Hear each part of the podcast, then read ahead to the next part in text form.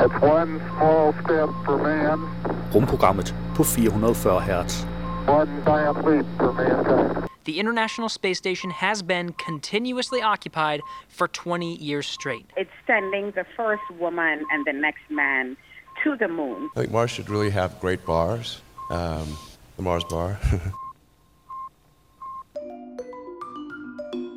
God rigtig hjerteligt dag, dag.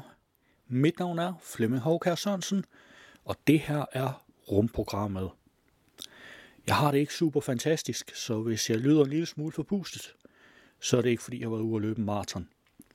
Men øh, lad os se lidt på, hvad jeg har med i dag. Jeg har tre små podcasts, vi skal høre klip fra. Den ene, det er fra Science Versus. De har en, der hedder The Moon Why are we really going back? Det er jo egentlig meget interessant. Hvorfor er det, vi tager tilbage til månen? Og så har vi, øh, så har vi en her fra NASA, en Small Steps Giant Leaps podcast, der hedder Artemis Progress. Det er sådan lidt en status på, hvor langt man er nået i Artemis-programmet. Og vi har også en bit en fra Rumsnak.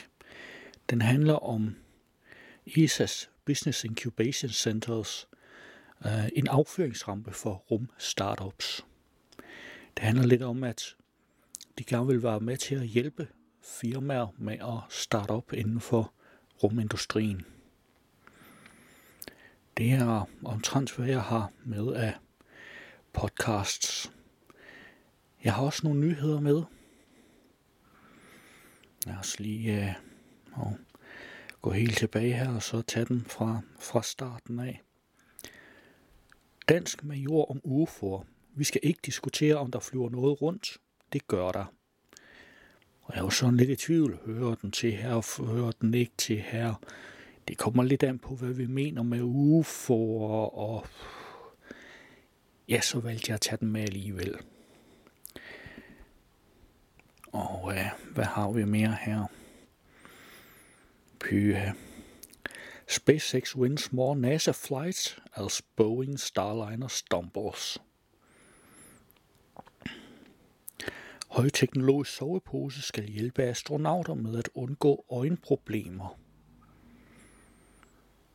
Og øhm, Bezos Blue Origin completes third passenger space flight. Ligesom vi har Space law hasn't been changed since 1967, but the UN aims to update laws and keep space peaceful. Og så har jeg en her, jeg har, jeg har tænkt, vi skulle have som en ekstra nyhed. Øhm, nej, den tror jeg simpelthen, vi springer over. Den gemmer vi til næste gang. Jeg har det ikke så godt. Vi har også en her, der var meningen, der skulle have været ugens nyhed. Den kommer altså bare med i den korte oversigt. Stor mængder vand fundet i Mars' Grand Canyon. Og så har vi her, Boeing plans to launch the Starliner spacecraft to the International Space Station in May 2022. Der er jo ikke så lang tid til. Vi har også her China's new rocket for crewed moon missions to launch around 2026. Og is it possible to use wind farms on Mars? Hvilket jo er rimelig relevant i og med, at alle de taler om de store storme på Mars. Men de genererer faktisk ikke ret meget, ret meget energi, men måske kan man alligevel høste energien. Vi har også her Kina og Elon Musk på kollisionskurs. Det kan godt være, det her det bliver et lidt magert program. Så jeg tænker, jeg deler den korte nyhedsoversigt over i to. For lige at, at få det spredt lidt mere ud. Fordi ja, jeg må nok indrømme, jeg er nok ikke tilpas til ret meget mere end det. Men øh, så giver vi den gas i næste måned. Lad os se på nogle af månedens interessante rumpodcasts. I denne uge har vi også en ny udgave af Rumsnak. Velkommen til Rumsnak, der denne gang er nået til årets sidste regulær episode. Ja, tiden flyver, når man snakker om rummet. Jeg synes faktisk, Tina, at det er lidt vildt, at vi er ved at være færdige med sæson 5. Ja, næsten færdige. Næsten. Det kan jo ikke udelukkes. Altså, der, vi har jo en af os to værter i hvert fald, der er meget bonusglade, så man kunne jo forestille sig, at der kom en lidt øh, julehygge, rumrelateret øh, julebonus. Vi får se, hvad der sker. Men Tina, jeg synes, vi skal komme i gang med denne her episode, før vi fortaber os i, hvad der så måske skal ske næste gang. Ja, og denne gang, der øh, har vi været lidt på tur. Vi skal nemlig dykke ned i en boblende gryde af spændende rumfirmaer her i Danmark. Ja, vi har talt med folkene bag det såkaldte ESA Business Incubation Center her i Danmark. Det er et øh, center for rumstartups, som er en del af et helt netværk af den slags centre rundt omkring i Europa. Og så skal vi også møde et af de firmaer, der har været en del af udviklingsforløbet på det her ESA Big Center. Ja, og så skal vi også have et par aktuelle nyheder, og måske en lille bonus eller to, Anders. Øh, Bare en enkelt, tror jeg. og så selvfølgelig lidt baggrund øh, om ESA Big, som de også kalder det. Det er alt sammen lige her i Rumsnak. Jeg hedder Tina Ibsen. Og jeg hedder Anders Høgh Nissen. Velkommen til. Det var et kort klip fra Rumsnak, og du kan naturligvis finde et link i show notes. Vi skal høre en bid fra NASA's the real objective of the Artemis 1 flight, this one that's coming up, is it's planned to be the first uncrewed flight of the integrated SLS Orion system. We'll trace this series of orbits around the moon and we'll test out our critical systems, and then we'll come back to Earth and test our heat shield. It's exciting to see a NASA vehicle back in space. Welcome to episode 75 of Small Steps, Giant Leaps, a NASA Apple Knowledge Services podcast where we tap into project experiences to share best practices, lessons learned, and novel ideas. I'm Dina Nunley. In Greek mythology, Artemis is the twin sister of Apollo and goddess of the moon. Now she personifies our path to the moon as the name of NASA's efforts to land the first woman and first person of color on the moon using innovative technologies to explore more of the lunar surface than ever before. Kristen Morgan is part of the Artemis program and serves as Programmatic Operations Manager for the Space Launch System Liquid Engines Office at NASA's Marshall Space Flight Center. Kristen, thank you for being our guest. Oh, thank you. I'm happy to be here. Artemis is such a complex program. It, it might be helpful to start with the big picture. Could you give us a general overview of the program and its objectives? Det var NASA's, og du kan naturligvis finde et link i show notes. Hi, I'm Wendy Zuckerman, and you're listening to Science Versus from Gimlet. This is our last episode for this season. We'll be back early next year. But today, we are pitting facts against frontiers. As we tackle the moon and ask, why are we going back?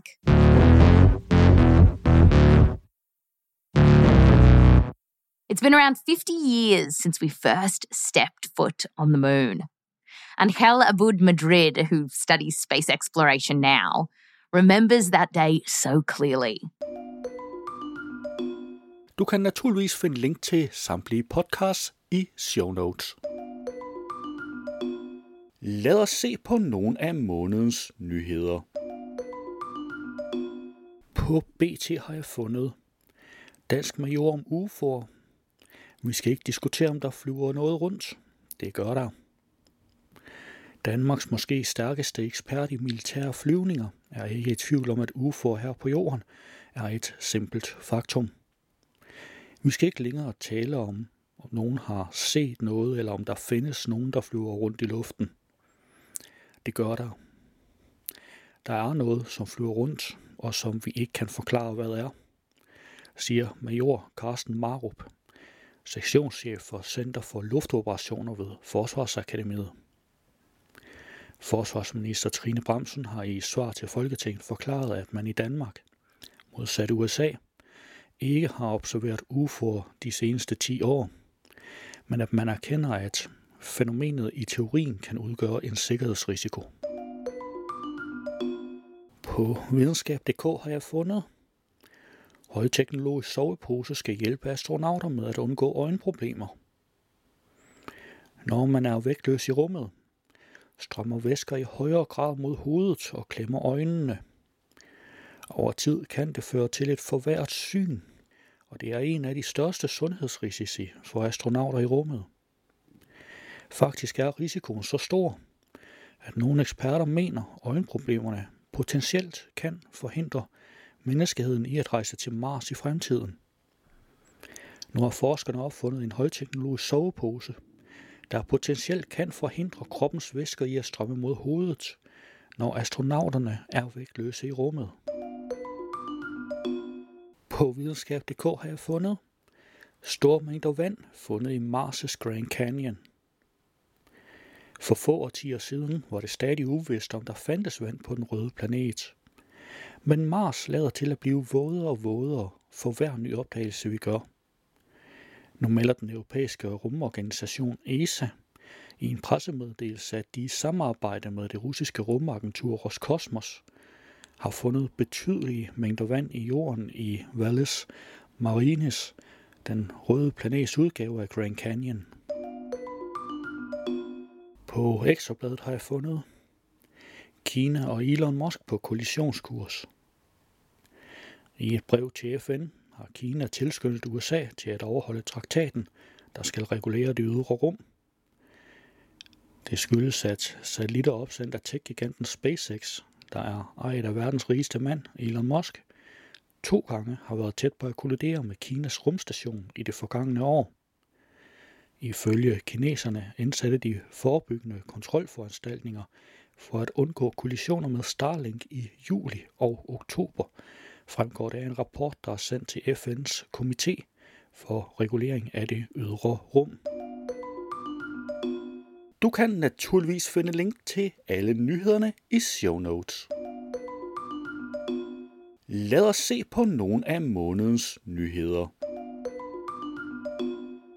På Bloomberg fandt jeg SpaceX wins more NASA flights as Boeing Starliner stumbles.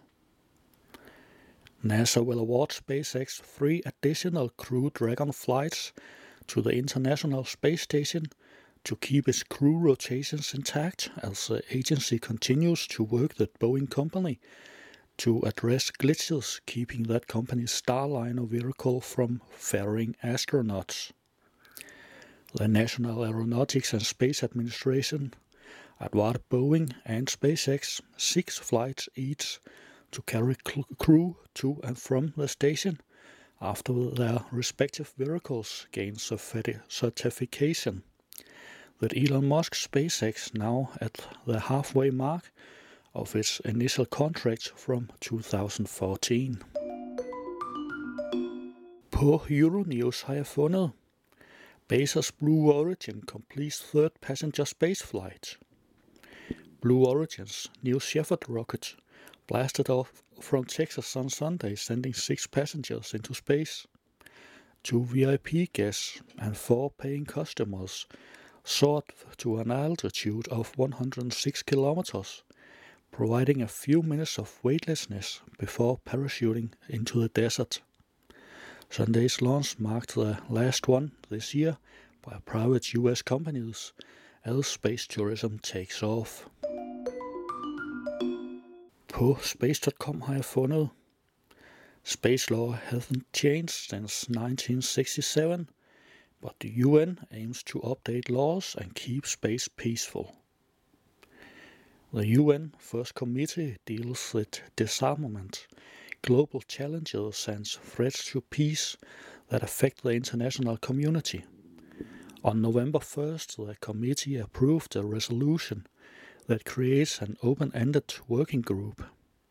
The goals of the group are to assess current and future threats to space operations, to determine when behavior may be considered irresponsible, make recommendations on possible norms, rules, and principles of responsible behaviors, and contribute to the negotiation of legally binding instruments, including a treaty to prevent an arms race in space. På space.com har jeg fundet Boeing plans to launch a Starliner spacecraft to the International Space Station in May 2022. The next launch of Boeing Starliner spacecraft is slated for May 2022. Company officials announced on Monday, December 13, that is if everything goes as planned.